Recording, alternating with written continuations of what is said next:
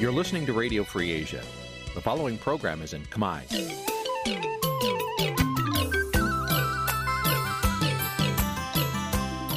Nǐ chi càm bi tiệp xáy vệt chiu a zì sê ray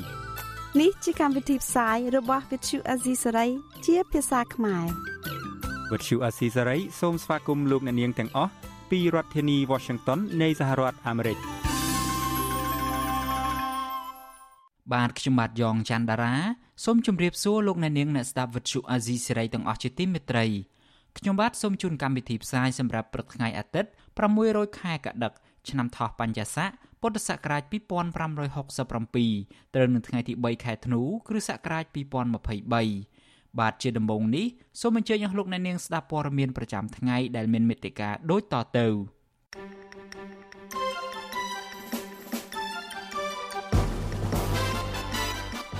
អ្នកខ្លំមើលថាការបង្កើតក្រុមការងាររដ្ឋាភិបាលចុះមូលដ្ឋានដើរផ្ទុយពីគោលនយោបាយវិមជ្ឈការប្រធានរដ្ឋសភាកម្ពុជាសន្យាចំពោះមេដឹកនាំវៀតណាមថានឹងបន្តជួយពលរដ្ឋវៀតណាមដែលរស់នៅកម្ពុជាខុសច្បាប់សង្គមស៊ីវិលបារម្ភពីការផ្ទុះឡើងវិញករណីបង្ខាំងនិងចាប់ចម្រិតមនុស្សនៅកម្ពុជាសហជីពថាកម្មករនៅតែមានជីវភាពលំបាក ទោះកម្ពុជា មានរោងចក្រច្រើនក៏ដោយរួមនឹងព័ត៌មានសំខាន់ៗមួយចំនួនទៀត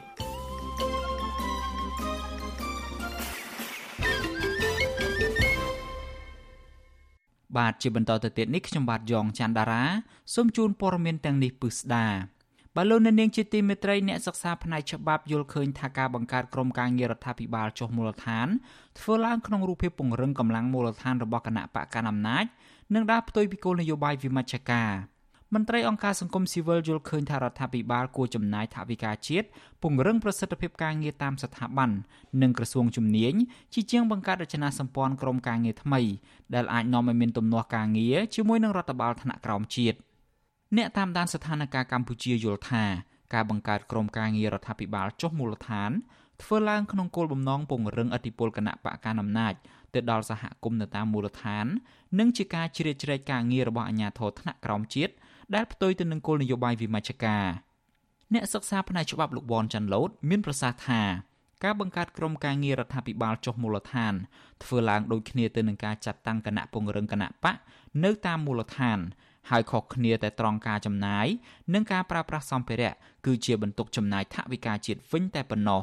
លោកយល់ថាក្រុមការងាររដ្ឋាភិបាលដែលរដ្ឋាភិបាលលោកហ៊ុនម៉ាណែតបង្កើតឡើងនៅពេលនេះនឹងធ្វើការទប់ស្កាត់ការតវ៉ារបស់ពលរដ្ឋដែលរងភាពអយុត្តិធម៌ជាជាងដោះស្រាយបញ្ហារបស់ពលរដ្ឋ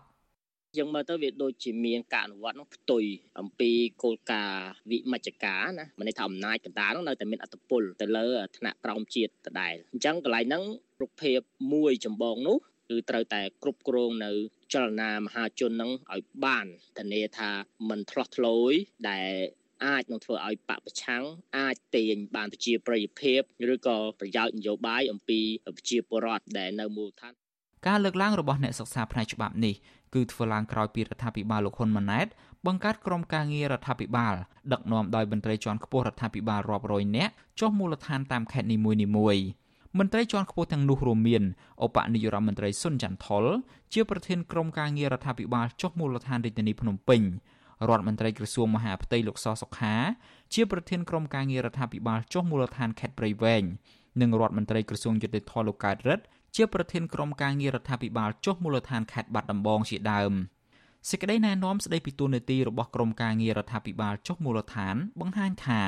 ក្រុមការងារថ្មីរបស់រដ្ឋាភិបាលនេះមានតួនាទីសំខាន់សំខាន់ចំនួន6នៅក្នុងនោះរួមមានការលើកកម្ពស់ទំនាក់ទំនងរវាងរដ្ឋាភិបាល និងប្រជាពលរដ្ឋជុំវិញការដោះស្រាយបញ្ហាផ្សេងៗរបស់ប្រជាពលរដ្ឋនិងរៀបចំវេទិកាសាធារណៈដើម្បីស្វែងយល់ពីទុកកង្វល់និងសំណើរបស់ប្រជាពលរដ្ឋជាដើមជុំវិញរឿងនេះអ្នកនាំពាក្យគណៈបកប្រជាជនកម្ពុជាលោកសុកអេសានបដិសេធថា ការបង្កើតក្រុមការងាររដ្ឋាភិបាលចុះមូលដ្ឋាននេះមិនប៉ះពាល់ដល់ការងាររបស់អាជ្ញាធរនៅថ្នាក់ក្រោមជាតិឡើយ ដូចជាការលំបាករបស់ប្រជាជនសំណូមពររបស់ប្រជាជន ការថ្នាំងថ្នាក់មួយចំនួនណា ដែលកើតឡើងដោយប្រការណាមួយរបស់ប្រជាជន គឺក្រមការងាររបស់គណៈបកក៏ដូចជាក្រមការងាររបស់រាជរដ្ឋាភិបាលជួយដោះស្រាយដូច្នេះមិនមែនក្រមការងាររបស់រាជរដ្ឋាភិបាលទៅធ្វើការជំនួសអាជ្ញាធររបស់រាជរដ្ឋាភិបាលទេ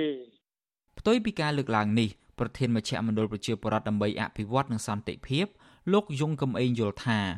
ដើម្បីដោះស្រាយបញ្ហាជូនប្រជាពលរដ្ឋនៅតាមសហគមន៍ប្រកបដោយប្រសិទ្ធភាពនោះរដ្ឋាភិបាលគួរតែចំណាយថវិកាជាតិបង្កើនមន្ត្រីជំនាញនៅតាមមូលដ្ឋានជាជាងបង្កើនបន្ទុកការងាររបស់មន្ត្រីជាន់ខ្ពស់បញ្ហាដែលខ្វះខាតជីវភាពហ្នឹងតែគុំសង្កត់ក៏គាត់ដឹងដែរគាត់ចេះដោះស្រាយដែរបាទអញ្ចឹងគួរតែបង្កើតប្រព័ន្ធរាយការណ៍នោះឲ្យបានឲ្យមានភាពជឿជាក់ឲ្យមានតម្លាភាពអីចឹងទៅហើយខាងថ្នាក់ក្រុងខេត្តក្រុង ស្រុកខណ្ឌហ្នឹងសារចុះទៅមើលជាក់ស្ដែងផងទៅបាទរឿងសំខាន់គឺខ្ញុំនៅតែឲ្យតម្លៃទៅលើស្ថាប័នជំនាញមួយមួយដែលគាត់មានទូនាទីស្រាប់អ្នកតាមដានស្ថានភាពកម្ពុជាយល់ថា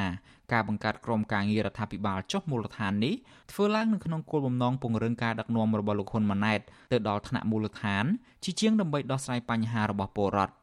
ករណីកន្លងទៅបើទោះបីជាប្រជាពលរដ្ឋរងគ្រោះពីគម្រោងអភិវឌ្ឍមួយចំនួនហើយនាំគ្នាតវ៉ាសម្ដែងមតិរោគដំណោះស្រាយពីរដ្ឋាភិបាលយ៉ាងណាក៏ដោយក៏រដ្ឋាភិបាលហាក់មិនខ្វាយខ្វល់ពីទុកលំបាករបស់ពួកគាត់នោះដែរលោកអ្នកនាងកំពុងស្ដាប់ការផ្សាយរបស់វិទ្យុអាស៊ីសេរីពីរដ្ឋធានី Washington នៃសហរដ្ឋអាមេរិកសហភាពការងារកម្ពុជារកឃើញថា បច្ចុប្បន្ននេះមានក្រុមហ៊ុនជាង1300ដែលភាគច្រើនមានថៅកែជាជនជាតិចិនកំពុងបើករោងចក្ររកស៊ីនៅក្នុងប្រទេសកម្ពុជាដោយមានកម្មករខ្មែរប្រមាណជាង80ម៉ឺននាក់កំពុងធ្វើការយកប្រាក់ឈ្នួលចិញ្ចឹមជីវិត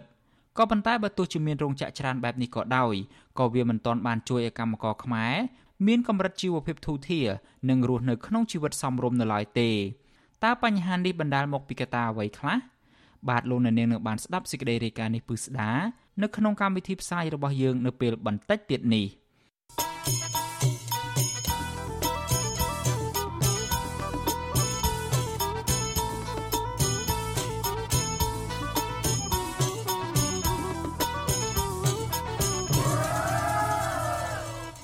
បាទលោកអ្នកនាងជាទីមេត្រីយើងងាកមកចាប់អារម្មណ៍ពាក់ព័ន្ធទៅនឹងការតស៊ូមតិរបស់ស្ត្រីឯនេះវិញក្រមស្ត្រី ដែលកំពុងភៀសខ្លួននៅប្រទេសថៃបានរួមគ្នាតស៊ូមតិតាមបណ្ដាញសង្គម Facebook មានឈ្មោះថាគណៈស្ត្រីក្លាហានអ្នកការពារសិទ្ធិមនុស្សលើកទឹកចិត្តចំពោះការតស៊ូមតិនេះនិងជំរុញឲ្យមានការប្រើប្រាស់សេរីភាពបញ្ចេញមតិដោយអហិង្សា បាទលោកជាតិចំណានរាយការណ៍ព័ត៌មាននេះជូនដល់លោកអ្នកនាងស្ត្រីដែលជាសកម្មជនដីធ្លីសកម្មជននយោបាយពលករនិងខ្មែរកម្ពុជាក្រោមបើទោះបីជាពួកគាត់រស់នៅលើទឹកដីថៃដែលជាប្រទេសដែលពុំសូវមានសុខភាពក្តី ប៉ុន្តែក្រមស្ត្រីទាំងនោះបានរួមគ្នារៀបចំការផ្សាយតាមទំព័រ Facebook ជាប្រចាំថ្ងៃពីបញ្ហាសង្គមនយោបាយបញ្ហាស្ត្រីការរំលោភសិទ្ធិនិងភាពអវិជ្ជមានរបស់រដ្ឋាភិបាលកម្ពុជាជាដើមដើម្បីត្រួតពិនិត្យច្បាប់23ដុល្លារនៅកម្ពុជាដែលកម្ពុជាបានទទួលយកនៅសិទ្ធិមនុស្សនៅនៅសិទ្ធិមនុស្សលទ្ធិប្រជាធិបតេយ្យសេរីភូបកចាការផ្សាយចេញពីទំព័រ Facebook ដែលមានឈ្មោះថាស្ត្រីក្លាហាន អ្នករៀបចំការផ្សាយនិងអ្នកផ្សាយភាគច្រើនជាស្ត្រី ពួកគាត់ជាក្រុមការងារផង និងជាប្រធានវល់ជុំផង ដែលក្រុមការងារនេះមានគ្នាជាង10នាក់ស្ត្រីភៀសខ្លួនដោយសារបញ្ហានយោបាយនិងជាសមាជិករបស់ស្ត្រីក្លាហានលោកស្រីហុងអានឲ្យវិសុយអសិសរីដឹងថាក្រុមស្ត្រីក្លាហាននេះមានដើមកំណើតដំបូងនៅប្រទេសកម្ពុជា កាលពីឆ្នាំ2019ប៉ុន្តែដោយសារតែរដ្ឋាភិបាលចាប់ខ្លួនសមាជិកក្រុមនេះជាបន្តបន្ទាប់ទើបសមាជិកក្រុមស្ត្រីនេះមួយចំនួនភៀសខ្លួនមកប្រទេសថៃ លោកស្រីឲ្យដឹងទៀតថាមុនដំបូងក្រុមស្ត្រីតស៊ូមតិតាមបណ្ដាញសង្គម Facebook រៀងៗខ្លួនតែចាប់ពីខែវិច្ឆិកាមកពួកគាត់បានរួមគ្នាដើម្បីបង្កើតស្ត្រីក្លាហានដើម្បីតស៊ូមតិតាមបណ្ដាញសង្គម ការការបង្កើតក្រុមគណៈស្ត្រីក្លាហាននេះគឺកើតឡើងដោយសារតការសាមគ្គីគ្នាមិនថាពលករមិនថាមិនថាជនភៀសខ្លួនគឺក្រុមយើងនឹងឆ្មាក់ចូលរួមទាំងអស់ក្នុងនោះដែរគឺក្រុមស្ត្រីក្លាហាន គឺបង្កើតឡើងដើម្បីលើកស្ទួយ gender ស្ត្រីឲ្យមានភាពក្លាហាននិងរឹងមាំហើយស្មោះត្រង់និងចេះតស៊ូឡើង ដើម្បីប្រទេសជាតិទំព័រស្ត្រីក្លាហានដែលតស៊ូមតិតាមបណ្ដាញសង្គមនេះបង្កើតឡើងដើម្បីធ្វើការងារជាក្រុម រៀនធ្វើជាមេដឹកនាំតាមបែបប្រជាធិបតេយ្យនិងជំរុញឲ្យការផ្សព្វផ្សាយឲ្យមានប្រសិទ្ធភាពនិងមិនប្រកាន់បកពួកសមាជិកក្រុមនេះម្នាក់ទៀតលោកស្រីនួននឿដែលជាសកម្មជនដីធ្លីនិងនយោបាយមកពីខេត្តបាត់ដំបងលោកស្រីសម្រាប់ចូលរួមការបញ្ចេញមតិនៅក្នុងក្រុមនេះព្រោះលោកស្រីមិនពេញចិត្តទៅនឹងការដឹកនាំរបស់រដ្ឋាភិបាលដែលមកពីគណៈបកប្រជាជនកម្ពុជាដែលតែងតែធ្វើទុកបុកម្នេញលើគណៈបកប្រឆាំងលោកស្រីរំពឹងថាមុនពេលដែលលោកស្រីភៀសខ្លួនមកប្រទេសថៃលោកស្រីធ្លាប់បានចូលរួមទាមទារ ក្នុងបញ្ហាសង្គមជាច្រើនដូចជាចូលរួមជាមួយនឹងស្ត្រីថ្ងៃសុខនិងសកម្មជនដីធ្លីជាដើមដើម្បីទាមទារយុត្តិធម៌ក្នុងសង្គមលោកស្រីបន្តថាការចូលរួមផ្សាយនេះក៏មានអ្នកគាំទ្រគណៈបកប្រជាជនកម្ពុជាតាមជេរប្រមាថនិងគំរាមសម្រាប់លោកស្រីតាមបណ្ដាញសង្គម Facebook ផងដែរ ចាគេជេរប្រមាថយើងស្រាប់តៃហោងផងដែរចាចាគេរៀមស្លាប់ព្រោះខ្ញុំគិតថាអឺបើយើងខ្លាចសួរថាអ្នកណាគេអឺមកជួយយើងប្រទេសយើងបើយើងមិនគិតបើយើងអត់ហ៊ានលះបង់ជីវិតកូនចៅយើងប្រទេសយើងនឹងបាត់បង់អញ្ចឹងណាចំណែកសមាជិកក្រុមនេះម្នាក់ទៀតដែលជាស្ត្រីខ្មែរក្រោមគឺលោកស្រីកឹមធីលើយដែលមានវ័យ61ឆ្នាំមកពីខេត្តព្រះត្រពាំងភៀសខ្លួនមកប្រទេសថៃតាំងពីឆ្នាំ2008ដោយសារតែអាញាធរវៀតណាមធ្វើទុកបុកម្នេញ និងបំបិតសិទ្ធិសេរីភាពលោកស្រីយល់ថាដើម្បីការតស៊ូមតិទទួលបានជោគជ័យតើតែមានការព្រួតដៃសាមគ្គីគ្នារវាងខ្មែរក្រោមខ្មែរកណ្ដាលលោកស្រីរំលឹកថាលោកស្រីបានលើកឡើងពីបញ្ហាខ្មែរក្រោមមកជជែកក្នុងកម្មវិធីផ្សាយរបស់ទំព័រ Facebook ស្ត្រីក្លាហាន សិទ្ធិអ្នកដែលតស៊ូសង្គមជាតិគាត់នឹងតស៊ូនៅជាតិធិបតេយ្យទាំងអស់គ្នាហើយរូបបងដូចជាគាត់ដូចគ្នាមកអំពីយើងជាស្ត្រីមិនមានថាជាឋានៈស្ត្រីនឹងយើងមិនអាចចូលក្នុងសង្គមបានទេយើងត្រូវតែចូលបានទាំងអស់គ្នាមិនមានថាបុរសនិងស្ត្រីក៏បានទាំងអស់ឲ្យតែយើងចិត្តបដូរផ្ដាច់យើងតស៊ូយើងស្រឡាញ់នៅសង្គមជាតិជនភៀសខ្លួននៅប្រទេសថៃតែងតែធ្វើសកម្មភាពតស៊ូមតិតាមរូបភាពផ្សេងផ្សេងគ្នាអ្នកខ្លះប្រើប្រាស់បណ្ដាញសង្គមដើម្បីបញ្ចេញមតិ អ្នកខ្លះទៀតបានប្រមូលផ្ដុំគ្នាទាមទារដើម្បីដាក់សម្ពាធទៅរដ្ឋាភិបាលកម្ពុជាហើយអ្នកខ្លះទៀតបានដាក់ញត្តិនៅអង្គការសហប្រជាជាតិតាមបណ្ដាស្ថានទូតប្រទេសសេរីនានាទាមទារឲ្យរដ្ឋាភិបាលគោរពសិទ្ធិមនុស្សប្រជាធិបតេយ្យដោះស្រាយវិបត្តិនយោបាយនិងដោះស្រាយទុកលំបាករបស់ពលរដ្ឋជាដើមតើតើនឹងរឿងនេះដែរប្រធានអង្គការសម្ព័ន្ធភាពការពារសិទ្ធិមនុស្សកម្ពុជាហៅកាត់តាច្រាក់លោករស់សុថាលើកឡើងថាការបញ្ចេញមតិតាមបណ្ដាញសង្គមរបស់ជនភៀសខ្លួននៅប្រទេសថៃ គឺជាការអនុវត្តសិទ្ធិរបស់ក្រុមស្ត្រីទាំងនោះដែលត្រូវការពារដោយច្បាប់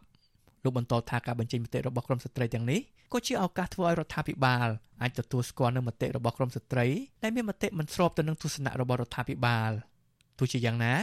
មន្ត្រីសិទ្ធិមនុស្សរូបនេះចង់ឃើញក្រុមស្ត្រីទាំងនោះនិយាយនៅក្នុងកម្មវិធីផ្សាយតាមបណ្ដាញសង្គមប្រកបដោយវិជ្ជាជីវៈនិងមិនបង្កភាពហិង្សាជាដើម។ តែយោបល់បើថាយើងនៅក្នុងជ្រុងណាក៏ដោយគឺថាយើងមិនអាចចោលគោលការណ៍ជាក់គោលការណ៍អហិង្សាហើយប្រកបទៅដោយការយុទ្ធសាស្ត្រនិងតតិច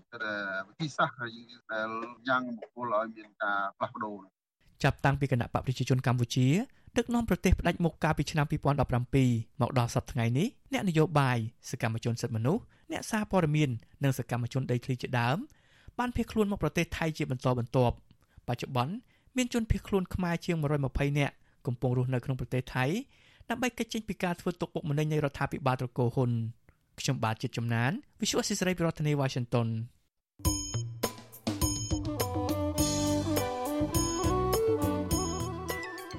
លោកអ្នកនាងជាទីមេត្រីដំណើរគ្នានឹងស្ដាប់ការផ្សាយរបស់ Visual Asia Series តាមបណ្ដាញសង្គម Facebook YouTube និង Telegram លោកអ្នកនាងក៏អាចស្ដាប់កម្មវិធីផ្សាយរបស់យើង តាមរយៈវិទ្យុរលកថេដាកាខ្លី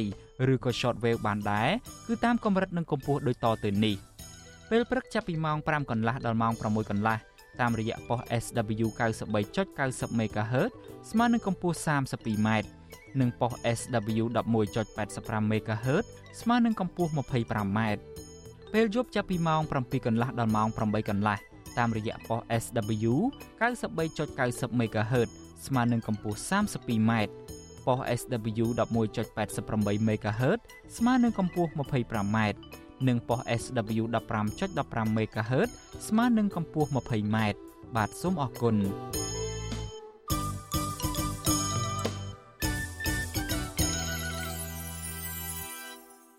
បាទលោកនាងជាទីមេត្រីយើងងាកមកចាប់អារម្មណ៍ពាក់ព័ន្ធទៅនឹងដំណើរទស្សនកិច្ចរបស់ប្រធានរដ្ឋសភាកម្ពុជាទៅប្រទេសវៀតណាមវិញបាទប្រធានរដ្ឋសភាកម្ពុជាថ្មីគឺអ្នកស្រីខួនសូដារីបានសន្យាចំពោះមុខមេដឹកនាំវៀតណាមថានឹងបន្តជួយដល់ពលរដ្ឋវៀតណាមដែលរស់នៅកម្ពុជាហើយខ្វះឯកសារផ្លូវច្បាប់បាទការសន្យានេះត្រូវបានមន្ត្រីគណៈបកប្រឆាំងនិងអ្នកខ្លំមើលលើកឡើងថាជាហានិភ័យសម្រាប់កម្ពុជា ដែលមានព្រំដែនជាប់ប្រទេសវៀតណាម បាទយើងប្រកុលនេតិនេះជូនដល់កញ្ញាខណ្ឌលក្ខណារាយការណ៍ជូនលោកអ្នកនាងប្រធានរដ្ឋសភាកម្ពុជាថ្មីអ្នកស្រីខួនសូដារី បានសន្យាចំពោះមុខប្រធានរដ្ឋសភាវៀតណាមថានឹងបន្តជួយដល់ពលរដ្ឋវៀតណាមដែលរស់នៅខ្មែរពាក់ព័ន្ធនឹងការខ្វះឯកសារផ្លូវច្បាប់ ស្របពេលពលរដ្ឋវៀតណាមមួយចំនួន បានចូលសញ្ជាតិខ្មែរនិងជាង100,000នាក់ទៀតទទួលបានបានស្នាក់នៅអចិន្ត្រៃយ៍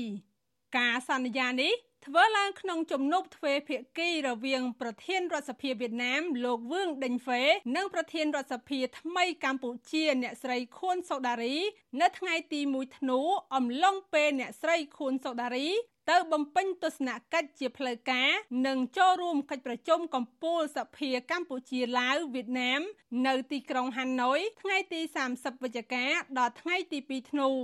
សារព័ត៌មានវៀតណាមផ្លុសឲ្យដឹងថា ក្នុងជំនួបនោះប្រធានរដ្ឋសភាវៀតណាម បានអបអរចំពោះជោគជ័យរបស់គណៈបកប្រជាជនកម្ពុជា ដោយរំពឹងថាជោគជ័យនេះនឹងបង្កើនទំនាក់ទំនងបែបប្រពៃណីរបស់កម្ពុជានិងវៀតណាមកាន់តែល្អប្រសើរឡើង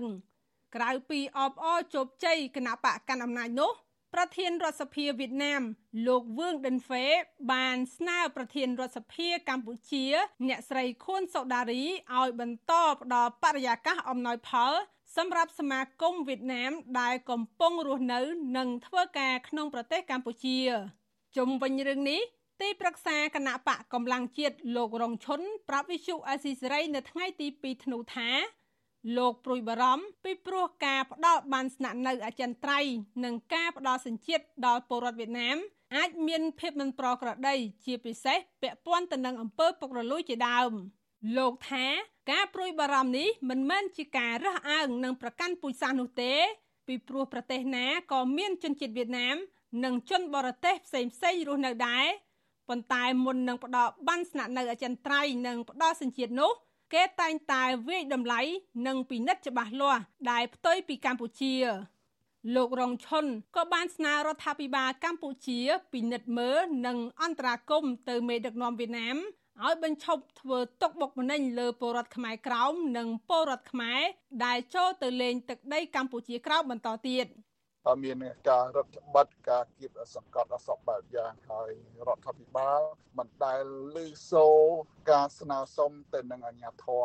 វៀតណាមឲ្យគោរពឲ្យយកចិត្តទុកដាក់ផ្ដល់សិទ្ធិដល់ខ្មែរក្រមអនុទេអានេះវាជាចំណុចខុសគ្នាបើយើងធៀបពីមេដឹកនាំកម្ពុជាទៅនឹងមេដឹកនាំវៀតណាមជារឿយរឿយមេដឹកនាំវៀតណាមតែងតែស្នើឲ្យរដ្ឋាភិបាលកម្ពុជា ជួយមើលថែនិងផ្ដល់ភាពស្របច្បាប់ដល់ពលរដ្ឋវៀតណាម ដែលកំពុងរស់នៅកម្ពុជាកន្លងមកនិងបច្ចុប្បន្នផ្ទុយទៅវិញមេដឹកនាំកម្ពុជាមិនដែលស្នើសុំឲ្យរដ្ឋាភិបាលវៀតណាមឲ្យគោរពនិងយកចិត្តទុកដាក់ចំពោះពលរដ្ឋខ្មែរក្រោមដែលកំពុងរស់នៅក្រោមការគៀបសង្កត់របស់អាជ្ញាធរវៀតណាមឬពលរដ្ឋខ្មែរដែលចូលទៅលេងទឹកដីកម្ពុជាក្រោមម្ដងម្កាលនោះឡើយ។ កាលពីថ្ងៃទី6តុលាអាជ្ញាធរវៀតណាម បានខាត់រថយន្តក្រុងចំនួន3គ្រឿងរបស់ពុទ្ធបរិស័ទនិងព្រះសង្ឃខ្មែរជាច្រើនម៉ោងដោយពួកគាត់គ្រាន់តែធ្វើដំណើរទៅប្រពៃពិធីកាន់បិណ្ឌនៅវត្តខ្នៅកំបុតក្នុងខេត្តព្រះតាពាំងការនោះអាជ្ញាធរវៀតណាមថែមទាំងចុះទៅហាមឃាត់អ្នកលក់ដូរនិងបាយម្ហូបកុំឲ្យលក់ឲ្យពលរដ្ឋខ្មែរនិងព្រះសង្ឃថែមទៀតលើសពីនេះ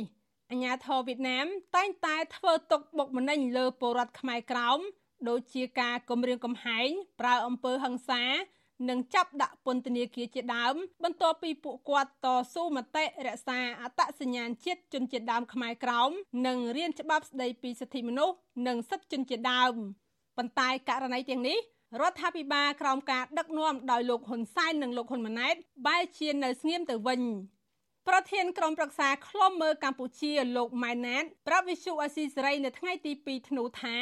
រដ្ឋាភិបាលកម្ពុជាមិនហ៊ានបដិសេធចំពោះសំណើវៀតណាមឡើយដោយសារតែលោកហ៊ុនសែនធ្លាប់ចុះហត្ថលេខាលើឯកសារសារាចរណែនាំចំពោះនិគមនិជនវៀតណាមកាលពីឆ្នាំ1986ដោយថែរក្សាជនជាតិវៀតណាមរស់នៅខុសច្បាប់នៅកម្ពុជា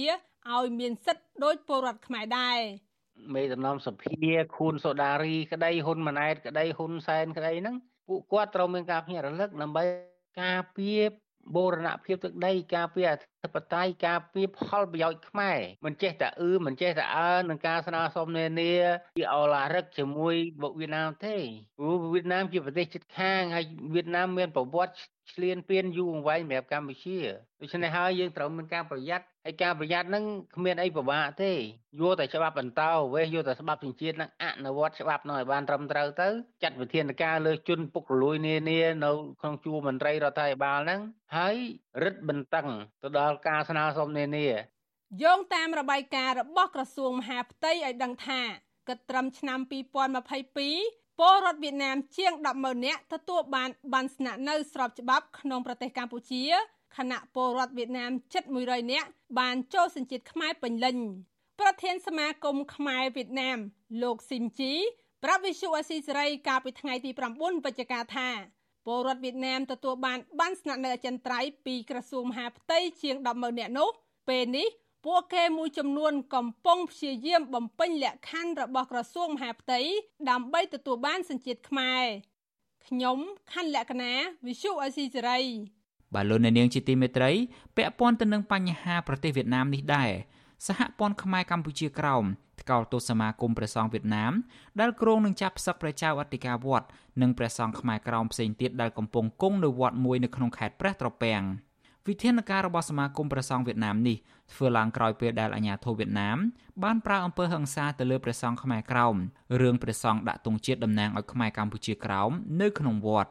បាទពីរដ្ឋធានី Washington លោកយុនសាមៀនរាយការណ៍ព័ត៌មាននេះ សមាគមពុទ្ធសាសនារបស់រដ្ឋាភិបាលវៀតណាមមានគម្រោងនឹងដឹកនាំមន្ត្រីសង្ឃវៀតណាមនិងអាជ្ញាធរទៅដកហូតសិទ្ធិឬចាប់ផ្សឹកព្រះចៅអធិការវត្តប្រជុំពុលមង្គលបរិយឬហៅថាវត្តនំសេកនិងប្រសង់ផ្សេងទៀតនៅក្នុងខេត្តលង្ហោនៅថ្ងៃទី3ធ្នូនេះបើតាមការអះអាងរបស់មន្ត្រីសហព័ន្ធខ្មែរកម្ពុជាក្រោមប្រធានអន្តរសាសនានៃសហព័ន្ធខ្មែរកម្ពុជាក្រោមព្រះអង្គធីធីធម្មោមានតារដីកាប្រពន្ធអាស៊ីសេរីថា ព្រះអង្គព្រួយបារម្ភថាសមាគមពុទ្ធសាសនាវៀតណាមនឹងចាប់បង្ខំផ្សឹកព្រះចៅអធិការវត្តប្រជុំពុលមង្គលបុរីគឺព្រះអង្គថច្ឆន្ទរានិងព្រះសង្ឃផ្សេងទៀតដោយចោទប្រកាន់ថា បានបំពានវិន័យធម៌ព្រះអង្គធីធីធម្មោបដិសេធថាព្រះចៅអធិការវត្តប្រជុំពលមង្គលបរិយនិងព្រះសង្ឃនៅទីនោះមិនបានរំលោភវិន័យព្រះសង្ឃទេ ទីព្រោះព្រះសង្ឃ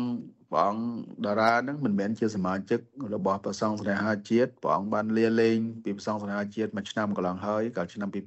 2022ហើយព្រះអង្គក៏មិនមែនជាសមាជិករបស់ប្រសង់យាកណាមគេហៅភាសាយួនគេហៅយ៉ាវរយហ្វាក់យ៉ាវយាកណាមដែរចឹងទេខ្ញុំគណៈអាត្មាភាពនឹងជឿថាប្រកាសជារដ្ឋាភិបាលវៀតណាមបំពេញទាំងស្រុងទៅលើសិទ្ធិមនុស្ស ទៅលើសិទ្ធិអ្នកបួសក្នុងពុទ្ធសាសនា ហើយទៅលើជនជាតិដើមដែលវៀតណាមបានសញ្ញេនៅកតិកាសញ្ញាឬមួយសញ្ញេនៅ convention ដែលតាក់ទិនពីប្រជនជាតិដើមដែលទទួលស្គាល់ខ្មែរក្រមគឺជាជនជាតិដើមជាដើមខុសទាំង3ធំធំតែម្ដងសមាគមពុទ្ធសាសនារបស់អាជ្ញាធរវៀតណាម កាលពីថ្ងៃទី1ធ្នូបានចេញលិខិតចោទប្រកាន់ព្រះអង្គថច្ឆន្ទរាថាបានរំលោភធម៌វិន័យហើយគ្រោងនឹងដកទួនាទីព្រះសង្ឃនៅថ្ងៃទី3ធ្នូទោះ បីជាយ៉ាងណាព្រះអង្គយឿងខាយដែលកំពុងគង់នៅវត្តប្រជុំពលមង្គលបរិយឬហៅថាវត្តនំសេកមានធរណីកាថាសមាគមព្រះសង្ឃវៀតណាមបានយកលេសធ្វើបាបព្រះសង្ឃខ្មែរក្រោមដោយសារតែកាលពីថ្ងៃទី28វិច្ឆិកាព្រះសង្ឃបានយកទង់ខ្មែរកម្ពុជាក្រោមមកដោតនៅក្នុងវត្តហើយអាជ្ញាធរវៀតណាមបានព្យាយាមមករឹបអូសហើយបានប្រើអំពើហិង្សាទៅលើព្រះសង្ឃខ្មែរក្រោមថែមទៀតផង ព្រះអង្គយាងខាយបន្តថាអាជ្ញាធរវៀតណាមបានព្យាយាមចូលវត្តដោយគ្មានការអនុញ្ញាត từ ព្រះសង្ឃខ្មែរក្រោមហាមឃាត់ប៉ុន្តែត្រូវអាជ្ញាធរវៀតណាមប្រើប្រាស់ហិង្សាទៅលើព្រះចៅអធិការវត្តប្រជុំពលមង្គលបរិយព្រះអង្គថច្ឆន្ទរា ព្រះអង្គយឿងខាយធ្លាប់ជាសកម្មជនសិទ្ធិមនុស្សមុនបួសជាព្រះសង្ឃហើយត្រូវបានអាជ្ញាធរវៀតណាមព្យាយាមធ្វើទុកបុកម្នេញជាច្រើនលើកច្រើនសារមកហើយទើបភៀសខ្លួនមកបួសនៅក្នុងវត្តប្រជុំពលមង្គលបរិយវិទ្យុអាស៊ីសេរីមិនអាចតាក់ទងមន្ត្រីសមាគមព្រះសង្ឃវៀតណាមដើម្បីបកស្រាយជុំវិញរឿងនេះបានទេកាលពីថ្ងៃទី2ធ្នូប្រធានអន្តរសាសនានៃសហព័ន្ធខ្មែរកម្ពុជាក្រោមព្រះអង្គធីធីធម្មោប្រមានថា ប្រសិនបើសមាគមវៀតណាមចាប់ផ្សឹកព្រះសង្ឃខ្មែរក្រោមមែននោះសហព័ន្ធនឹងធ្វើការតស៊ូមតិនៅលើឆាកអន្តរជាតិជុំវិញការរំលោភសិទ្ធិសាសនានេះខ្ញុំយុនសាមៀនវិទ្យុអាស៊ីសេរីប្រធានាធិបតី Washington អាស៊ីសេរីលោកអ្នកនាងជាទីមេត្រីវិទ្យុអាស៊ីសេរីនឹងចេញផ្សាយ podcast កម្ពុជាសប្តាហ៍នេះនៅរៀងរាល់ព្រឹកថ្ងៃសៅរ៍ម៉ោងនៅកម្ពុជា នៃសប្តាហ៍នីមួយៗបាទកម្មវិធី podcast នេះ រៀបចំដោយនាយកនិងនាយករងនៃកម្មវិធីផ្សាយ Vithu Azizi Serai ជាភាសាខ្មែរគឺលោកសំពូលីនិងលោកជុនច័ន្ទបុតសូមប្រិយមិត្តស្វែងរក និងស្ដាប់ podcast របស់យើង នៅលើកម្មវិធី podcast របស់ Apple, Google និង Spotify ដោយគ្រាន់តែសរសេរពាក្យថា កម្ពុជាសប្តាហ៍នេះឬ Cambodia This Week នៅក្នុងប្រអប់ស្វែងរក យើងក៏នឹងចាក់ផ្សាយកម្មវិធី podcast នេះឡើងវិញ នៅក្នុងកម្មវិធីផ្សាយផ្ទាល់របស់យើងតាមបណ្ដាញសង្គម Facebook YouTube និង Telegram នៅរៀងរាល់យប់ថ្ងៃច័ន្ទម៉ោងនៅកម្ពុជា បាទសូមអរគុណ thank you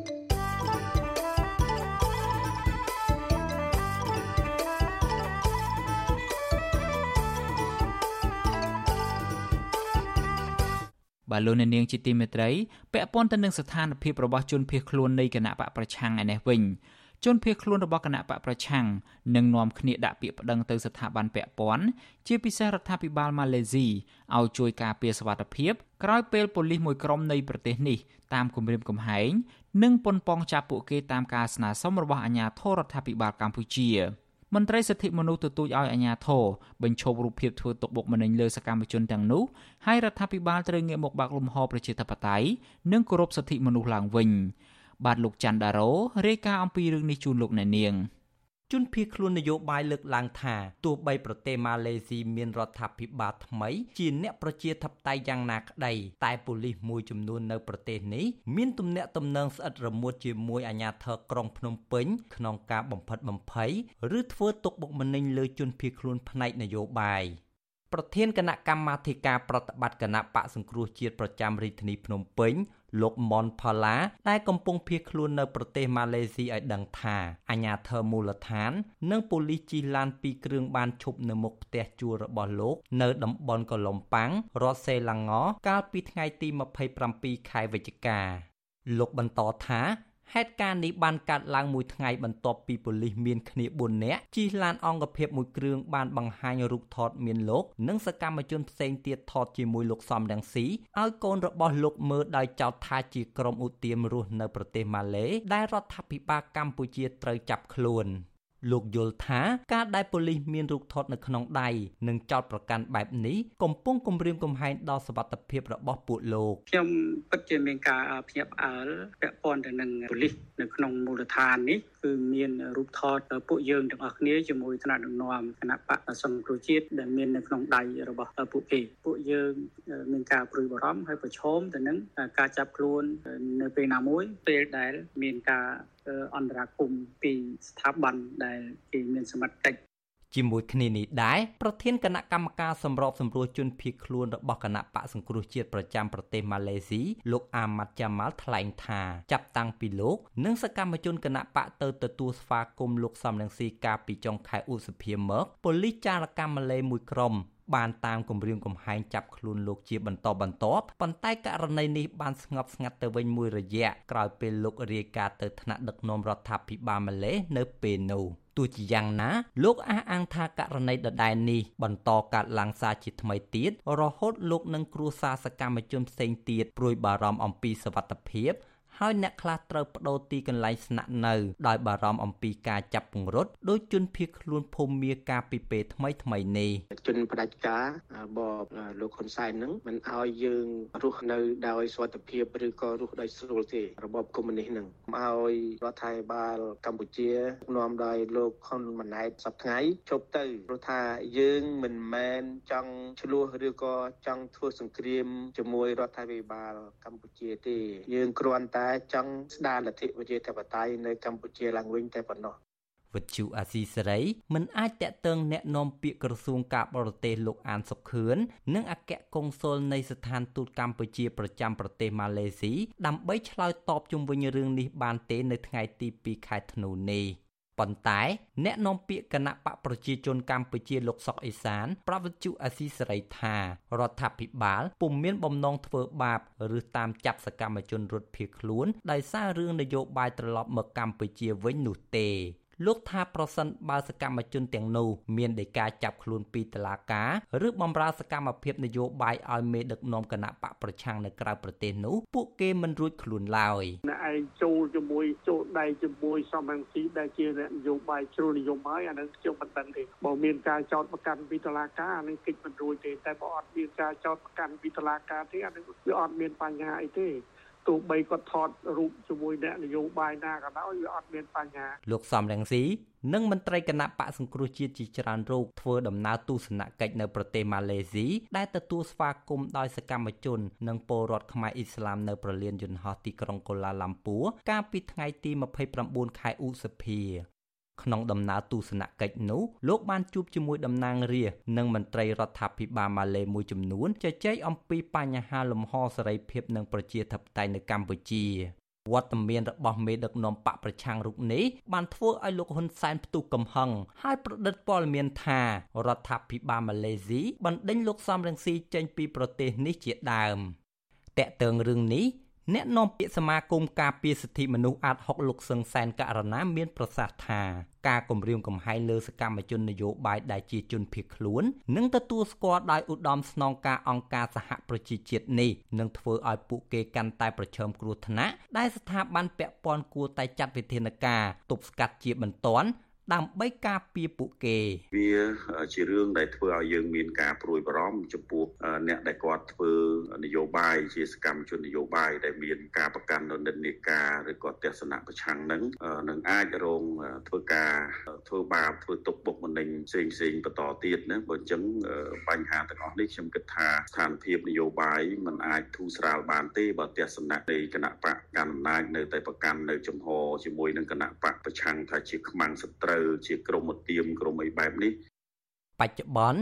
មានសកម្មជនគណៈបកសង្គ្រោះជាតិជិត20គ្រួសារកំពុងភៀសខ្លួននៅប្រទេសម៉ាឡេស៊ីដោយសារអាជ្ញាធររដ្ឋាភិបាលក្រុងភ្នំពេញធ្វើទុកបុកម្នេញអ្នកខ្លះមានដីកាចាប់ខ្លួនពីតុលាការឬជាប់ឈ្មោះក្នុងបញ្ជីខ្មៅត្រូវចាប់ខ្លួនរបស់រដ្ឋាភិបាលកម្ពុជាដោយសារពួកគេ បន្តគាំទ្រសកម្មភាពគណៈបកសង្គ្រោះជាតិជាពិសេសគាំទ្រដំណើរមាតុភូមិនិវត្តរបស់លោកសំរងស៊ីកាលពីឆ្នាំ2019ក្នុងនោះមានសកម្មជនមួយចំនួនបានត្រឡប់ទៅកម្ពុជាវិញចុះចូលជាមួយគណៈបកកាន់អំណាចហើយសកម្មជន2នាក់ត្រូវបានប៉ូលីសម៉ាឡេស៊ីចាប់ខ្លួនបំរុងបញ្ជូនឲ្យរដ្ឋាភិបាលកម្ពុជា គឺលោកសេងសៀងលៀង និងកញ្ញាងងឹមគិតថាតែត្រូវឧត្តមស្នងការអង្គការសហប្រជាជាតិទទួលបន្ទុកជនភៀសខ្លួន នៅប្រទេសម៉ាឡេស៊ីជួយទាន់ពេល និងបញ្ជូនទៅប្រទេសកាណាដា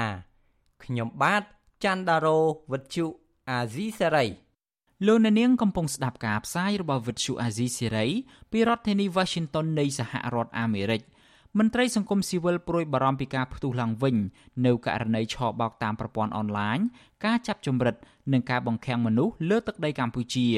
ក្រោយពីអាជ្ញាធរកម្ពុជាបានបង្ក្រាបករណីទាំងនោះជាបន្តបន្ទាប់កាលពីខែវិច្ឆិកាកន្លងទៅពួកគាត់ជំរុញឲ្យរដ្ឋាភិបាលនិងអាជ្ញាធរត្រូវបង្កើនការទប់ស្កាត់និងបង្ក្រាបឲ្យបានតឹងរឹងដើម្បីកុំឲ្យប៉ះពាល់ដល់វិស័យទេសចរការវិនិយោគនិងកិត្តិយសប្រទេសកម្ពុជាកាន់តែខ្លាំងជាងនេះថែមទៀត។ បាទយើងប្រកុលនេតិនេះជូនលោកថាថៃរាយការណ៍ជូនលោកអ្នកនាងពីប្រទេសអូស្ត្រាលីមន្ត្រីសង្គមស៊ីវិលក៏សម្គាល់ថាបទល្មើសនៃការចាប់ចម្រិតនិងការបង្ខាំងធ្វើទរណកម្មមនុស្សនៅតែបន្តមានវត្តមាននៅលើទឹកដីប្រទេសកម្ពុជា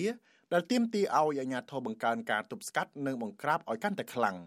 ប្រធានមជ្ឈមណ្ឌលប្រជាពលរដ្ឋដើម្បីអភិវឌ្ឍនិងសន្តិភាពលោកយ៉ងកំឯងប្រាប់បទជអាស៊ីសេរីនៅថ្ងៃទី2ធ្នូថា ការបន្ទុះករណីចាប់ចម្រិតបង្ខាំងមនុស្សនៅពេលនេះគឺជាក្តីបារម្ភធំមួយក្នុងពេលដែលកម្ពុជាកំពុងទាក់ទាញភ្ញៀវទេសចរអន្តរជាតិនិងការវិនិយោគពីបរទេស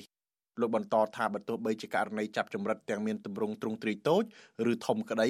តែវានឹងជាឥទ្ធិពលអវិជ្ជមានទូលំទូលាយដែលនឹងប៉ះពាល់ដល់កិត្តិយសប្រទេសជាតិស្របពេលកម្ពុជាកំពុងមានកេរ្តិ៍ឈ្មោះមិនល្អក្នុងករណីនេះស្រាប់ ចឹងត្រូវតែមានប្រព័ន្ធដើម្បីផ្ដល់ព័ត៌មានថាបើសិនគេមានបញ្ហាហ្នឹងគេត្រូវផ្ដល់ព័ត៌មានមិនបាទត្រូវតែមានឲ្យគេមានលេខ hotline មានអីបាទហើយបើសិនណាគេ call ទៅបើមានករណីបែបហ្នឹង call ទៅត្រូវតែធ្វើអន្តរាគមន៍ឲ្យលឿនឲ្យទាន់ពេលវេលាបាទមិនអាចទុកចោលបានណាបាទនឹងបានទៅរួចហើយជាវិធានការបង្ការធ្វើម៉េចវិធានការបង្ការហ្នឹងគឺត្រូវតែធ្វើឲ្យបានម៉ត់ចាប់ហើយនឹងឲ្យបានមានប្រសិទ្ធភាពខ្ពស់ដែរបាទតែតករណីកើតឡើងហើយគឺវាអាចជាពលមិនល្អបាទ ការព្រួយបារម្ភរបស់មន្ត្រីសង្គមស៊ីវិលរូបនេះគឺបន្ទាប់ពីអាជ្ញាធរបានបង្ក្រាបករណីបង្ខាំងមនុស្សនិងការចាប់ជំរិតជាបន្តបន្ទាប់ក្នុងចំនួនមួយដ៏ច្រើនត្រឹមរយៈពេល1ខែក្នុងនោះរួមមានករណីកាលពីថ្ងៃទី30វិច្ឆិកាអាជ្ញាធរបានឃាត់ខ្លួនជនល្មើសចំនួន13នាក់ក្នុងនោះមានជនជាតិខ្មែរម្នាក់និងជនជាតិបង់ក្លាដេសចំនួន12នាក់នៅក្នុងខណ្ឌជ្រោយចង្វាររាជធានីភ្នំពេញដោយសង្គ្រោះបានជនជាតិចិន2នាក់ដោយឡែកកាលពីថ្ងៃទី20ខែវិច្ឆិកា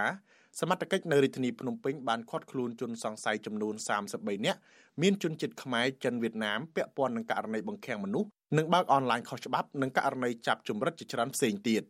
វិទ្យុអាស៊ីសេរីមិនអាចតាក់ទងแนะនាំពាក្យក្រសួងមហាផ្ទៃលោកខៀវសុភ័ក្រនិងរដ្ឋលេខាធិការក្រសួងមហាផ្ទៃនិងជាអនុប្រធានអចិន្ត្រៃយ៍នៃគណៈកម្មាធិការជាតិប្រយុទ្ធប្រឆាំងអំពើជួញដូរមនុស្សអ្នកស្រីជូប៊ុនអេងដើម្បីសុំការបកស្រាយពីក្តីបារម្ភនេះបានទេនៅថ្ងៃទី2ធ្នូ ទាក់ទិននឹងរឿងនេះនាយកទទួលបន្ទុកកិច្ចការទូតនៃអង្គការសិទ្ធិមនុស្សលីកាដូលោកអំសំអាតយល់ឃើញថាការបង្ក្រាបករណីទាំងនេះជាសញ្ញាបង្ហាញថាការជួញដូរនិងការបង្ខាំងមនុស្សនៅតែមានចំនួនច្រើនគួរឲ្យព្រួយបារម្ភលោកជំរុញឲ្យអាជ្ញាធរបង្កើនការស្រាវជ្រាវនិងបង្ក្រាបបទល្មើសទាំងនេះឲ្យអស់ជាពិសេសការរឹតបន្តឹងនិងការទប់ស្កាត់លំហូរចូលនៅឧក្រិដ្ឋកម្មឆ្លងដែនដែលភ្នាក់ច្រើនជាជនបរទេសជួលមកកម្ពុជាដើម្បីធ្វើសកម្មភាពខុសច្បាប់ទាំងនេះ ទី1គឺត្រូវតែរឹតបន្តឹងនៅក្នុងការអនុវត្តច្បាប់សម្រាប់កម្ពុជាទៅលើច្បាប់ស្តីអំពីអន្តរប្រវេសន៍នៃកម្ពុជាយើងបាទហើយទី2សហការជាមួយបណ្ដាប្រទេសជិតខាងដើម្បីទប់ស្កាត់កុំឲ្យមានលំហូរនៃអក្រិតជនចូលមកក្នុងប្រទេសកម្ពុជាហើយទី3សហការជាមួយប្រទេសក្នុងតំបន់និងអន្តរជាតិដើម្បីកំណត់នៃមុខសញ្ញាអក្រិតជនណាដើម្បីតាមខ្លំមើលឬក៏ធ្វើការទប់ស្កាត់ដើម្បីកុំឲ្យឆ្លងចូលនៅក្នុងប្រទេស កម្ពុជាយើងរបាយការណ៍របស់ការិយាល័យអង្គការសហប្រជាជាតិប្រឆាំងគ្រឿងញៀននិងឧក្រិដ្ឋកម្មចេញផ្សាយកាលពីខែកញ្ញាឆ្នាំ2023បង្ហាញថាប្រទេសកម្ពុជាស្ថិតក្នុងចំណោមប្រទេសនៅក្នុងតំបន់អាស៊ីអាគ្នេយ៍រួមមានឡាវនិងភូមាដែលកំពុងមានសកម្មភាពខ្លាំងក្នុងការជួញដូរមនុស្សបង្ខំឲ្យធ្វើឧក្រិដ្ឋកម្មបោកប្រាស់តាមប្រព័ន្ធអនឡាញនិងការក្លែងបន្លំហិរញ្ញវត្ថុក្នុងនោះរួមមានការធ្វើទរណកម្មខុសខើទៅលើជនរងគ្រោះ ដោយការឃុំខ្លួនបំបិទសិទ្ធិសេរីភាពការដកហូតឯកសារបញ្ជាក់អត្តសញ្ញាណផ្ទាល់ខ្លួនការរំលោភបំពានលើរាងកាយវាយដំនិងការផ្ទេរជនរងគ្រោះពីកន្លែងមួយទៅកន្លែងមួយផ្សេងទៀតជាដើមរបាយការណ៍ទាំងនេះបានបង្ហាញឲ្យឃើញថាកម្ពុជាមិនមែនជាកន្លែងមានសុវត្ថិភាពជាពិសេសសម្រាប់ជនបរទេសនោះឡើយដែលបណ្ដាលឲ្យមានការជះឥទ្ធិពលអាក្រក់ទៅលើវិស័យទេសចរនិងការវិនិយោគនៅក្នុងប្រទេសកម្ពុជាមន្ត្រីសង្គមស៊ីវិលថាមានតែការអនុវត្តច្បាប់ឲ្យបានតឹងរឹងដាក់ទោសទណ្ឌទៅលើជនល្មើស ការរឹតបន្តឹងច្បាប់អន្តរប្រវេសន៍និងការទប់ស្កាត់អ ுக ្រិតកម្មឆ្លងដែនតែប៉ុណ្ណោះទើបអាចរំដោះកម្ពុជាមិនឲ្យជនល្មើសយកធ្វើជាកន្លែងប្រព្រឹត្តអំពើខុសច្បាប់ឆបោកចាប់ជំរិតនិងឃុំឃាំងមនុស្សតទៅទៀតខ្ញុំថាថៃពីទីក្រុងមែលប៊ន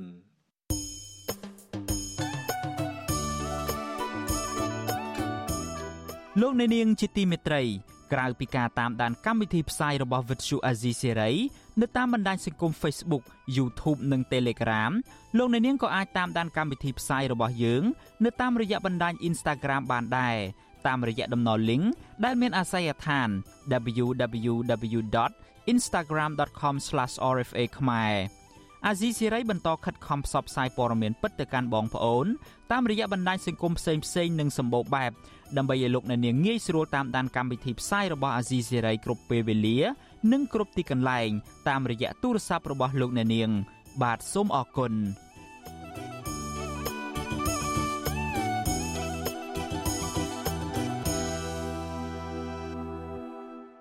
បាទលោកអ្នកនាងជាទីមេត្រីក្រមយុវជនចលនាមេដាធម្មជាតិបានត្រឡប់មកដល់ប្រទេសកម្ពុជាវិញហើយជាមួយនឹងពានរង្វាន់ដែលមានតម្លៃប្រហាក់ប្រហែលនឹងរង្វាន់ Nobel សន្តិភាពគឺពានរង្វាន់ Right Livelihood ពីប្រទេសស៊ុយអែត មន្ត្រីអង្គការសង្គមស៊ីវិលអបអរសាទរចំពោះពានរង្វាន់ដែលការចេញពីការលះបង់របស់យុវជននេះចំពោះការការពារបរិស្ថាននិងសិទ្ធិមនុស្សបាទសូមលោកអ្នកនាងស្ដាប់ព័ត៌មានដាច់ដライមួយទៀតរបស់លោកយុនសាមៀនអំពីរឿងនេះដូចតទៅក្រមយុវជនចលនាមេដាធម្មជាតិចំនួន3នាក់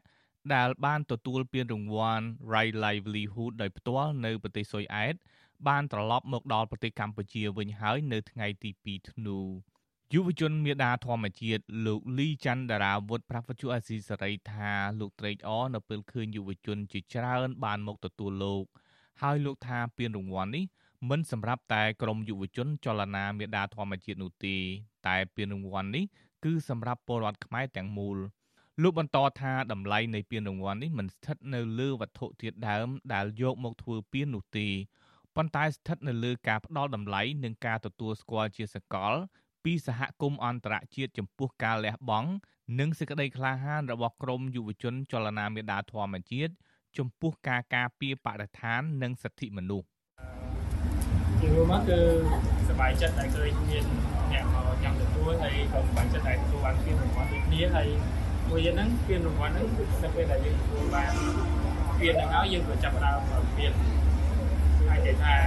មានឈ្មោះជាមុនមានគេស្គាល់ច្រើនជាងមុនវា ជួយដល់ការងាររបស់យើងនៅក្នុងការការពារបរិស្ថានដែរលោកលីចន្ទរាវុធបន្ថែមថាការទទួលស្គាល់តម្លៃនៃការលះបង់របស់យុវជននិងការផ្ដល់ពានរង្វាន់កម្រិតអន្តរជាតិនេះសបញ្ជាក់ថាសកម្មភាពរបស់យុវជនចលនាមេដាធម្មជាតិនាពេលកន្លងទៅ មិនមែនជាអំពើខុសច្បាប់ដោយការចោទប្រកាន់របស់តុលាការនោះទេ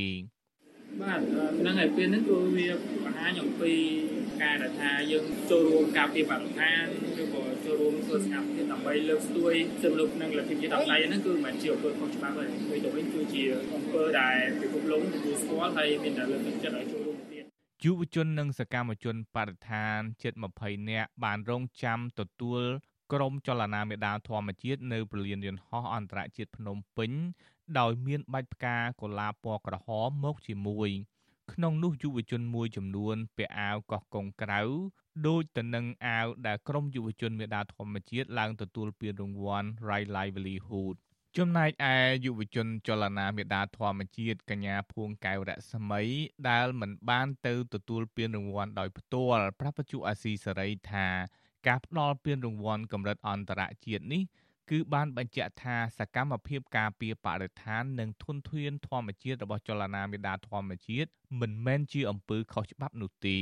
រង្វាន់នេះគឺជាពានរង្វាន់មួយដែលបង្ហាញពីភាពស្អាតស្អំរបស់សកម្មជនចលនាមេដាធម្មជាតិក៏ដូចជាភាគីពាក់ព័ន្ធទាំងអស់ជាពិសេសយុវជនខ្មែរប្រជាពលរដ្ឋខ្មែរដែលគាត់តែងតែផ្ដល់ទំនុកចិត្តនៅលើការងារក្នុងការការពារបរិស្ថានរបស់ចលនាមេដាធម្មជាតិហើយនេះមិនមែនជាពានរង្វាន់លើកទី1ដែលយើងទទួលបានទេយើងធ្លាប់ទទួលបានពានរង្វាន់ Frontline Defender ហើយនេះគឺជាពានរង្វាន់ Right Livelihood ជាពានរង្វាន់ទី2ប៉ុន្តែសម្រាប់ចលនាមេដាធម្មជាតិគឺពានរង្វាន់ដែលធំជាងគេសម្រាប់ពួកយើងគឺការគ្រប់គ្រងរបស់ប្រជាជនខ្មែរការចូលរួមពីយុវជនខ្មែរហើយនិងការផ្ដល់យុត្តិធម៌ដោយប្រជាជាតិទាំងមូលកញ្ញាសោកស្ដាយចំពោះរដ្ឋាភិបាលដឹកនាំដោយលោកនាយករដ្ឋមន្ត្រីហ៊ុនម៉ាណែតដែលមិនបានគ្រប់គ្រងនិងលើកទឹកចិត្តចំពោះការទទួលពានរង្វាន់កម្រិតអន្តរជាតិមួយនេះស្របពេលលោកហ៊ុនម៉ាណែតតែងតែបង្ហោះសារអបអរសាទរចំពោះកីឡាករនិងពលរដ្ឋខ្មែរ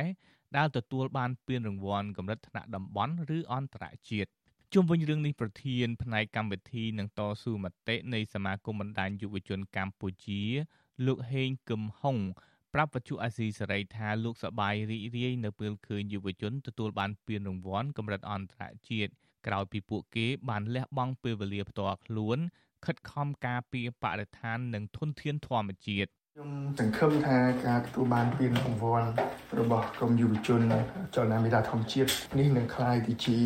សារបង្ហាញឲ្យរដ្ឋាភិបាលទម្លាក់ចោលបទចោទចំពោះពួកគេពីព្រោះអ្វីដែលពួកគេធ្វើនេះមិនមែនជារឿងមួយដែលសម្រាប់តែនរណាម្នាក់ទេបាទគឺសម្រាប់ពិភពលោកទាំងមូលហើយត្រូវបានគេកត់សម្គាល់មកទល់ពេលនេះក្រមយុវជនមេដាធម្មជាតិបានទទួលពានរង្វាន់ចំនួន3ហើយ ពីក្រុមអង្គការសង្គមស៊ីវិលក្នុងស្រុកនិងអន្តរជាតិបន្ទាប់ពីតុលាការបានដោះលែងក្រុមយុវជនចលនាមេដាធម្មជាតិឲ្យនៅក្រៅឃុំបណ្ដោះអាសន្នកាលពីខែវិច្ឆិកាឆ្នាំ2021កន្លងទៅខ្ញុំយុនសាមៀនវិទ្យុអាស៊ីសេរីប្រធានាធិបតី Washington បាទលោកអ្នកនាងជាទីមេត្រីពាក់ព័ន្ធទៅនឹងរឿងកាត់ជ្រៀលដីព្រៃឈើឯនេះវិញលោកហ៊ុនសែន បានកាត់ដីព្រៃជិត30ហិកតាបន្ថែមទៀតឲ្យទៅក្មួយស្រីរបស់លោកគឺលោកស្រីហ៊ុនកំលែងដែលជាប្រពន្ធរបស់លោកណេតសាវឿនឲ្យធ្វើជាកម្មសិទ្ធិឯកជនក្រុមអ្នកស្រឡាញ់ធនធានធម្មជាតិយល់ឃើញថាដីគម្របព្រៃឈើនឹងបន្តបាត់បង់ថែមទៀតហើយគោលនយោបាយការពារធនធានធម្មជាតិរបស់រដ្ឋាភិបាលនឹងរងបរាជ័យបាទសូមលោកអ្នកនាងស្ដាប់សេចក្តីរាយការណ៍ព័ត៌មានមួយទៀតរបស់លោកជាតិចំណានអំពីរឿងនេះដូចតទៅរដ្ឋាភិបាល បានកាត់ដីគម្របព្រៃឈើឆ្នាំ2002ជិត30ហិកតាដែលស្ថិតនៅក្នុងភូមិកគីឃុំបាត់ត្រាំងស្រុកព្រៃនប់ខេត្តព្រះសីហនុទៅឲ្យក្មួយស្រីរបស់អតីតនាយករដ្ឋមន្ត្រីលោកហ៊ុនសែនគឺអ្នកស្រីហ៊ុនកំលេងធ្វើជាកម្មសិទ្ធិឯកជននៃបយងតាមសិភើរាជក្រឹតដែលចេញផ្សាយកាលពីថ្ងៃទី29ខែវិច្ឆិកាយុវជនម្នាក់ដែលតែងតែចុះល្បាតព្រៃឈើជាញឹកញាប់នៅតាមតំបន់ការពារធម្មជាតិគឺកញ្ញាស្រុនស្រីលក្ខប្រាប់វិសុវស៊ីស្រីនៅថ្ងៃទី2ខែធ្នូថាកញ្ញាសោកស្ដាយដែលរដ្ឋាភិបាលគ្មានឆន្ទៈពិតប្រាកដ ក្នុងការការពារនិងថែរក្សាធនធានធម្មជាតិនៅកម្ពុជាពីព្រោះរដ្ឋាភិបាលនៅតែបន្តកាត់ជ្រៀតដីគម្របព្រៃនៅតាមតំបន់ការពារទាំងនោះទៅឲ្យក្រុមហ៊ុនឯកជន និងបកពួកខ្សែស្រឡាយរបស់អ្នកកាន់អំណាចសពថ្ងៃដែលទៅរដ្ឋាភិបាលសូមឲ្យនៅមានការពិចារណាឡើងវិញចំពោះការផ្ដល់សិទ្ធិក្នុងការឲ្យក្រុមហ៊ុនឯកជននិងក្នុងការកាត់កាប់ឬក៏មានសិទ្ធិក្នុងការទន្ទ្រានដីព្រៃនឹងដោយសារ អខ្ញុំមើលឃើញថាព្រៃឈើរបស់យើង គឺត្រូវបានបាត់បង់ហើយអញ្ចឹងនៅពេលដែលបាត់បង់អស់ហើយថាតើកូនចៅចំណងក្រោយបានអីទៀតវិសុវស៊ីសេរីមិនអាចតាក់ទងប្រធានអង្គភិបអ្នកនាំពាក្យរដ្ឋាភិបាលលោកប៉ែនប៊ុនណានិងអ្នកនាំពាក្យក្រសួងបរិស្ថានលោកផៃប៊ុនឈឿនដើម្បីសុំការអធិប្បាយបន្ថែមបានទេនៅថ្ងៃទី2ខែធ្នូដោយទូរស័ព្ទចូលតែគ្មានអ្នកទទួលជុំវិញរឿងនេះអ្នកសម្របសម្រួលគម្រោងធុរកិច្ចនិងសិទ្ធិមនុស្សរបស់មជ្ឈមណ្ឌលសិទ្ធិមនុស្សកម្ពុជា លោកវ៉ាន់សុផាតយល់ឃើញថារដ្ឋាភិបាលកម្ពុជាត្រូវតែបញ្ឈប់ការផ្ដោតដីសាធារណៈឬដីគម្របព្រៃឈើទៅឲ្យក្រុមហ៊ុនឯកជននិងក្រុមគ្រួសារសាច់ញាតិរបស់អ្នកមានអំណាចលោកព្រួយបារម្ភថារដ្ឋាភិបាលនឹងជួបវិបត្តិបរិស្ថានធ្ងន់ធ្ងរនៅថ្ងៃខាងមុខប្រសិនបើរដ្ឋាភិបាលនៅតែបន្តផ្ដល់ដីសម្បត្តិសេដ្ឋកិច្ចក៏ដូចជាការកាត់ជ្រៀតដីព្រៃបែងចែកគ្នាតាមតែអំពើចិត្តបែបនេះ ចឹងវាអត់មានស្អីថាយើងខាងជោគជ័យមិនអាហ្នឹងអត់មានជោគជ័យទេរាល់ថ្ងៃមើលឃើញអ្នកគ្នាចឹងណាហើយបើសិនជាមានការនឹងបន្តទៅទៀតទៅខ្ញុំថាអ្នកដែលរងផលប៉ះពាល់ធ្ងន់ជាងគេហ្នឹងគឺរដ្ឋយើងហ្នឹងហើយទី1ចឹងយើងគិតថានៃរដ្ឋាភិបាលហ្នឹងគួរតែហើយគួរតែធ្វើម៉េចដើម្បីអនុវត្តគោលនយោបាយក្នុងការទប់ស្កាត់ការប្រើប្រាស់ធនធាននៅខាងក្នុងឲ្យបានជាប់ឲ្យបានមានប្រសិទ្ធភាពចឹងទៅ នេះមិនមែនជាលើកទី1នោះទេដែលអតីតនាយករដ្ឋមន្ត្រីកម្ពុជាលោកហ៊ុនសែនបានកាត់ដីព្រៃឬតំបន់ការពារដែលជាសម្បត្តិរបស់រដ្ឋទៅឲ្យក្រុមហ៊ុនឯកជននិងបកពួកខ្សែស្រឡាយនៅតាមជួររដ្ឋាភិបាលកាលពីខែមិថុនារដ្ឋាភិបាលនៃអតីតនាយករដ្ឋមន្ត្រីហ៊ុនសែនក៏បានកាត់ដីសាធារណៈរបស់រដ្ឋជិត1000ហិកតាទៅឲ្យក្រុមហ៊ុន C99 International Investment និងបានកាត់ដីព្រៃអូសៀនជាតិសមុទ្រកោះរ៉ុងជិត1000ហិកតាទៅឲ្យក្រុមហ៊ុនកូនរបស់លោកយឹមឆៃលី ដែលជាដន្លងរបស់លោកដោយអះអាងថាដើម្បីធ្វើការអភិវឌ្ឍនៅក្នុងខែកក្កដាលោកហ៊ុនសែនក៏បានចុះហត្ថលេខាកាត់ជ្រៀតដីគម្របព្រៃឈើជិត500ហិកតាបន្ថែមទៀតដែលស្ថិតនៅក្នុងឃុំអូត្រេសស្រុកស្ទឹងហាវខេត្តព្រះសីហនុទៅឲ្យក្រុមហ៊ុនប៊ូយ៉ុងខ្មែរផងដែរក្រៅពីខេត្តព្រះសីហនុហើយនោះរដ្ឋាភិបាលមួយនេះក៏បានកាត់ដីព្រៃនិងដីសាធារណៈរបស់រដ្ឋជាច្រើនខេត្តទៀតចែកទៅឲ្យក្រុមបកពួករបស់លោកដូចជាខេត្តកែបកំពង់ស្ពឺកោះកុងពោធិ៍សាត់និងខេត្តមណ្ឌលគិរីជាដើម ខ្ញុំបាទចិត្តចំណាន Visual ស៊ីស្រីប្រធានាទី Washington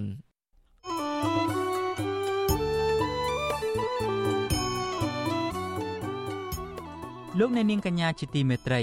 វិទ្យុអាស៊ីសេរីបានទទួលសំណូមពរពីអ្នកស្ដាប់និងអ្នកទស្សនារបស់យើងច្រើនណាស់ថាកុំឲ្យដាក់ចំណងជើងផ្ទុយពីខ្លឹមសារនៃព័ត៌មានឧទាហរណ៍ដូចជាដាក់ចំណងជើងថា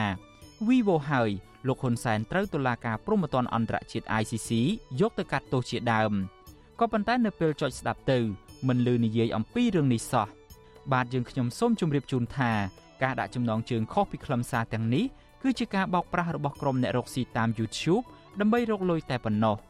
ពួកគេបានលួចយកខ្លឹមសារនៃការផ្សាយរបស់ Vuthu Azizi Siri ទៅកាត់តរួចក៏បដូរចំណងជើងទៅតាមរបៀបប្លែកៗហួសហេតុខុសពីការពិតនៅក្នុងគោលបំណងតាក់ទាញចិត្តរបស់លោកអ្នកនាងកញ្ញាឲ្យទៅចុចស្ដាប់ឬទស្សនាដើម្បីបាន view ឬក៏បានចំនួនអ្នកចូលទស្សនាច្រើនមានអ្នកចុចស្ដាប់កាន់តែច្រើន ពួកគេក៏កាន់តែរកប្រាក់បានច្រើនតាមនោះដែរវិទ្យុអាស៊ីសេរីមិនដែលដាក់ចំណងជើងខុសពីខ្លឹមសារនោះទេលោកអ្នកនាងកញ្ញាអាចចូលរួមទប់ស្កាត់ការបោកប្រាស់ទាំងនេះបានដោយឈប់ចុចស្ដាប់ឬក៏ទស្សនាការចុះផ្សាយណា ដែលដាក់ចំណងជើងខុសប្លែកគួរឲ្យសង្ស័យទាំងនេះជាពិសេសទៅទៀតនោះដើម្បីស្ដាប់ ឬមួយក៏ទស្សនាការផ្សាយពិតរបស់វិទ្យុអាស៊ីសេរីសូមលោកអ្នកនាងចូលទៅក្នុង Channel របស់អាស៊ីសេរីតែម្ដង ដែលមានអាសយដ្ឋាន www.youtube.com/@rfa ខ្មែរបាទសូមអរគុណ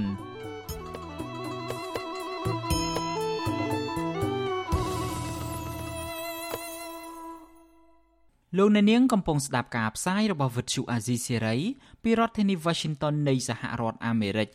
សហភាពការងារកម្ពុជារកឃើញថា បច្ចុប្បន្ននេះមានក្រុមហ៊ុនជាង1300ដែលភាគច្រើនមានថៅកែជាជនជាតិចិន កំពុងបើករោងចក្ររកស៊ីនៅក្នុងប្រទេសកម្ពុជាដោយមានកម្មករខ្មែរប្រមាណជាង80ម៉ឺននាក់កំពុងធ្វើការយកប្រាក់ឈ្នួលចិញ្ចឹមជីវិតក៏ប៉ុន្តែបើទោះជាមានរោងចក្រច្រើនបែបនេះក៏ដោយក៏វាមិនទាន់បានជួយឲ្យកម្មករខ្មែរមានកម្រិតជីវភាពធូរធារនិងរស់នៅក្នុងជីវិតសមរម្យនៅឡើយទេតើបញ្ហានេះបណ្ដាលមកពីកត្តាអ្វីខ្លះ បាទសូមលោកអ្នកនាងស្ដាប់សេចក្តីរាយការណ៍នេះពឺស្ដារបស់លោកសេកបណ្ឌិតដូចតទៅកម្មករជាច្រើននៅតាមរោងចក្រនៃប្រទេសកម្ពុជាត្អូញត្អែប្រហាក់ប្រហែលគ្នាថាជីវភាពប្រចាំថ្ងៃមិនប្រសើរទេដោយសារតែប្រាក់ឈ្នួលរៀងរាល់ខែ មានកម្រិតតិចតួចហើយត្រូវយកទៅដោះស្រាយបំណុលផ្គត់ផ្គង់កូនរៀនសូត្រនិងចំណាយលើការរស់នៅប្រចាំថ្ងៃជាច្រើនទៀតពួកគេនិយាយទៀតថា ធ្វើជាកម្មករនៅតាមរោងចក្រដោយសពថ្ងៃនេះគឺมันមានសល់អ្វីទុកជាក្តីសង្ឃឹមសម្រាប់អនាគតនោះទេគឺសន្សំបានតែជំងឺឲ្យមកនៅក្នុងខ្លួនប៉ុណ្ណោះដោយសារតែខំធ្វើការច្រើនម៉ោងហើយការហូបចុកមិនបានគ្រប់គ្រាន់កម្មកររោងចក្រ Ken Sportsu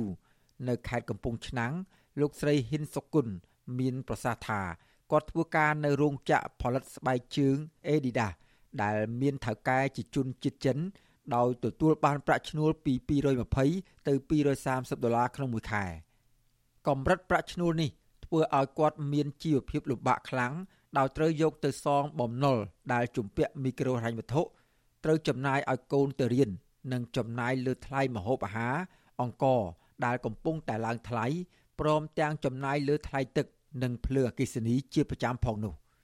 លោកស្រីហិនសុគន្ធព្រួយបារម្ភថា ប្រសិនបើរស់នៅក្នុងជីវភាពដូចសពថ្ងៃនេះ នៅពេលដែលធ្លាក់ខ្លួនឈឺគឺគាត់គ្មានប្រាក់ព្យាបាលនោះទេ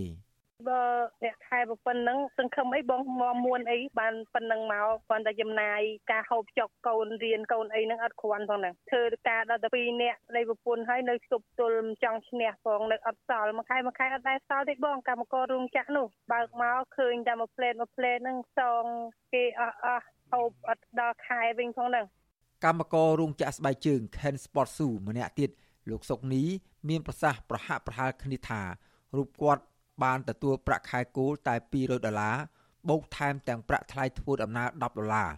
និងប្រាក់ឧបត្ថម្ភ10ដុល្លារទៀតគឺបានតែ220ដុល្លារប៉ុណ្ណោះក្នុងមួយខែប្រាក់ឈ្នួលនេះមិនថាតែរូបគាត់និងកម្មករជាច្រើនអ្នកទៀតនោះទេ គឺសុទ្ធតែមិនទាន់គ្រប់គ្រាន់សម្រាប់ជីវភាព ដោយសារតែទំនិញទីផ្សារគ្រប់យ៉ាងឡើងថ្លៃព្រមទាំងមានបំណុលផងនោះ និយាយរួមទៅជីវភាពកម្មករទាំងរូបខ្ញុំពេលនេះគឺថាបានតែមនុស្សសល់គឺអត់មានទេពីព្រោះថានៅរោងចក្រខ្ញុំនៅខេត្តកំពង់ឆ្នាំងខ្ញុំជាទូទៅមុនកូវីដនេះគឺមានការថែម៉ោងតែមកដល់បច្ចុប្បន្ននេះក្រោយពីយើងបោះឆ្នោតហើយមានការថែម៉ោងគឺដោយកន្លែងកន្លែងណាក្រុមណាឡាញណាយើងធ្វើបាន1ម៉ោង120គូទៅខាងចិនគេនោះគេឲ្យថែម៉ោងទៅតែណាអត់បានចំនួន120គេឲ្យថែទេទីម៉ោង4អញ្ចឹងលោកពូ បច្ចុប្បន្ននេះកម្មករខ្លះដែលផ្ទះនៅឆ្ងាយ បានក្រោកតាំងពីយប់ធ្វើដំណើរមករោងចក្រដើម្បីធ្វើការដោយពួកគេមិនបានហូបអាហារពេលព្រឹកត្រឹមត្រូវទេដោយសារតែប្រាក់ខែតិចតួចកម្មករខ្លះទៀតខំត្បិតត្បៀតសន្សំសំចៃមិនហ៊ានចាយវាយទៅលើការហូបចុកអាហារថ្ងៃត្រង់ផង ពួកគេបានទិញគ្រឿងកំប៉ុង ដែលគេហៅថាជាភេសជ្ជៈពើកម្លាំងមកផឹកជំនួសអាហារដោយគេយល់ថា ដើម្បីឲ្យពួកគេមានកម្លាំងធ្វើការសហជីពកម្មករបានទទួលស្គាល់ថាកម្មករភេកច្រើន បាននិយមផឹកភេសជ្ជៈកំប៉ុងទាំងនោះមែនដោយសារតែពួកគេយល់ថាគ្រឿងកំប៉ុងទាំងនោះ ជួយឲ្យពួកគេមិនងងុយគេងជួយឲ្យពួកគេមិនងងុយគេងនិងមិនអស់កម្លាំងហើយធ្វើការមិនចេះនឿយហត់ក៏ប៉ុន្តែគេព្រួយបារម្ភថានៅពេលខាងមុខកម្មករភេកច្រើននឹងមានបញ្ហាសុខភាព ដូចជាជំងឺក្រពះនិងជំងឺទឹកនោមផ្អែមជាដើមដែលបណ្ដាលមកពីការប៉ះពាល់ដោយសារធាតុគីមី នៅក្នុងគ្រឿងកំប៉ុងទាំងនោះប្រធានសហជីពសេរីកម្មករនៃព្រះរាជាណាចក្រកម្ពុជា លោកស្រីទូចសើមានប្រសាសន៍ថា បច្ចុប្បន្នស្ថានភាពកម្មករគឺលំបាកខ្លាំងដោយសារតែនៅតាមរោងចក្រនីមួយៗថៅកែចិន បានដាក់កំហិតឲ្យធ្វើការងារកាន់តែច្រើន និងមិនមានគោលការណ៍ផ្ដល់ប្រាក់បន្ថែមម៉ោងនោះទេ ការចំណាយរបស់គាត់គឺច្រើនកាលណាការចំណាយច្រើនហើយគាត់ធ្វើការបានថែមម៉ោងថ្ងៃបុណ្យឬមួយក៏ថ្ងៃអាទិត្យទៀតឬមួយក៏ថ្ងៃធម្មតាទៀតធ្វើឲ្យលុយគាត់នឹងគឺត្រទងជីវភាពអត់គ្រប់ឃើញជាតែប្រាក់ខែឡើង4ដុល្លារហើយយើងចំណេញឡើងខ្លាំងចឹងឥឡូវសូមទៅតែរៀនឲ្យលុយកូន2000កូនអត់ដឹងកាយអីហងវាបាក់ចឹងណា ប្រធានសហភាពការងារកម្ពុជានិងជាសមាជិកក្រុមប្រឹក្សាជាតិប្រាក់ឈ្នួលអបបរមាលោកអាត់ធុនឲ្យដឹងថា នៅក្នុងបញ្ជីបងពុនរបស់រដ្ឋបច្ចុប្បន្នមានរោងចក្រកាត់ដេរសម្លៀកបំពាក់រោងចក្រស្បែកជើងរោងចក្រកាបូបនិងរោងចក្រកង់ឡានជាដើម ប្រមាណជាង1300ក្រុមហ៊ុន ដែលថៅកែភ ieck ច្រើន ជាជនជាតិចិនក៏ប៉ុន្តែលោកជឿថាចំនួនរោងចក្រអាចច្រើនជាងនេះដោយសារតែរោងចក្រខ្លះ មិនស្ថិតនៅក្នុងបញ្ជីបងពុននៅឡើយទេលោកអាត់ធុនឲ្យដឹងទៀតថាការនាំចេញផលិតផលរបស់រោងចក្រទាំងនោះ ក្នុងឆ្នាំ2023គឺមានទឹកប្រាក់ប្រមាណ13,000លានដុល្លារអាមេរិកក៏ប៉ុន្តែបើពិនិត្យទៅលើប្រាក់ខែកម្មករវិញ គឺនៅក្នុងរង្វង់ទឹកប្រាក់2,500លានដុល្លារទេ មានន័យថា ទឹកប្រាក់ដែលនៅសល់ជាងពាក់កណ្ដាលទៀតគឺថៅកែចំណេញហើយនាំយកត្រឡប់ទៅប្រទេសចិនវិញ លោកអាត់ធុនមានប្រសាសន៍ទៀតថាវាជាការពិបាកណាស់ក្នុងការទៀមទាឲ្យដំឡើងប្រាក់ខែឲ្យកម្មករបន្ថែមទៀតនៅក្នុងពេលនេះចាប់តាំងតែពីរដ្ឋាភិបាល បានបង្កើតច្បាប់កាត់បន្ថយសិទ្ធិសហជីពហើយកម្មករក៏ពិបាកប្រើប្រាស់សិទ្ធិក្នុងការធ្វើបាតកម្មនិងកោតកម្មទៀមទានោះដែរបើទៅសួរតកែតកែណាមួយក៏ស្រ័យថាគាត់ខាតដែរប៉ុន្តែជារៀងរាល់ឆ្នាំគាត់បរិយារោងចក្រគាត់បង្កើតរោងចក្រគ្រប់កន្លែងគាត់ខាតទេតែគេខក តាមពិតទៅគឺចំពោះប្រាក់ខែនេះគឺយើងមានផែនការទៀមទារហូតទៅដល់250ដុល្លារណោះដើម្បីធ្វើម៉េចវាទប់ទល់នឹងការចំណាយហ្នឹងប៉ុន្តែយើងស្ថានភាពជាក់ស្ដែងយើងចរចាបានតិចតួចប៉ុណ្ណឹង5រៀល10រៀល4រៀល2រៀលអីអញ្ចឹងពួកសួរអីឡើងបានព្រោះវាឡើងបានវាតតែកម្មករហ្នឹងគាត់មានអំណាចមានអធិបុលដូចឆ្នាំ2013អញ្ចឹងពេលគាត់គឧតកម្មគេតម្លើងឲ្យគាត់20ដុល្លារ ទោះយ៉ាងណាវិទ្យុអស៊ីសេរីនៅពុំទាន់អាចសុំការអធិប្បាយជុំវិញបញ្ហានេះពីអ្នកនាំពាក្យក្រសួងការងារនិងបណ្ដុះបណ្ដាលវិជ្ជាជីវៈលោកកតាអូនបានទេ នៅថ្ងៃទី2ខែធ្នូចំណែកប្រធានគណៈបកកម្លាំងជាតិលោកសុនចន្ទធីមើលឃើញថាក្រមអ្នកវិនិយោគទុនចិនមួយផ្នែកធំ ដែលកំពុងរកស៊ីនៅកម្ពុជាមិនបានផ្ដល់ផលប្រយោជន៍និងជួយលើកស្ទួយកម្រិតជីវភាពកម្មករឲ្យប្រសើរឡើងនោះទេប៉ុន្តែក្រមអ្នកវិនិយោគចិនទាំងនោះ បែរជាផ្ដល់ផលប្រយោជន៍ច្រើន ទៅឲ្យមន្ត្រី ដែលកំពុងតែមានអំណាចនៅក្នុងជួររដ្ឋាភិបាល ដែលពាក់ព័ន្ធនឹងអំពើពុករលួយ អ្នកវិនិយោគិនជាជនជាតិចិនមកបើករោងចក្រនៅស្រុកខ្មែរច្រើនហើយក៏ប៉ុន្តែมันអាចផ្ដល់ឲ្យកម្មករនៅជីវភាពធូរធារទៅបាននោះទេដោយសារកម្មករទទួលបានប្រាក់ឈ្នួលពីតកែរោងចក្រនឹងនៅមានកម្រិតនៅឡើយដូច្នេះសូមសំណូមពរស្នើសុំឲ្យរដ្ឋាភិបាលត្រូវពិចារណាគិតគូរដំឡើងប្រាក់ខែគោលជូនកម្មករឲ្យបានខ្ពស់ជាងសប្តាហ៍ថ្ងៃដើម្បីឲ្យកម្មករមានជីវភាពធូរធារទៅបាន អ្នកសិក្សាការអភិវឌ្ឍសង្គមមើលឃើញថា កម្ពុជាបើមានតែអ្នកវិនិយោគទុនចិន ចូលមករកស៊ីនោះគឺមិនបានធ្វើឲ្យសេដ្ឋកិច្ចជាតិប្រសើរនិងជីវភាពកម្មករធូរធារទេរដ្ឋាភិបាលកម្ពុជាត្រូវតែបើកចំហលទ្ធិប្រជាធិបតេយ្យសិទ្ធិមនុស្សសិទ្ធិនយោបាយនិងសិទ្ធិសេរីភាពបញ្ចេញមតិឡើងវិញ ដើម្បីឲ្យបណ្ដាប្រទេសលោកសេរីផ្ដល់ការអនុគ្រោះពន្ធនាំចេញឲ្យប្រសើរឡើងទើបអាចតេទៀងក្រុមអ្នកវិនិយោគទុន ពីប្រទេសសេរីឲ្យចូលមកបង្កើនការបណ្ដាក់ទុនដែលអាចធ្វើឲ្យកម្មករមានប្រាក់ខែខ្ពស់និងជីវភាពប្រសើរឡើងខ្ញុំបាទសេកបណ្ឌិតវុទ្ធុអសីសេរីពីរដ្ឋធានីវ៉ាស៊ីនតោន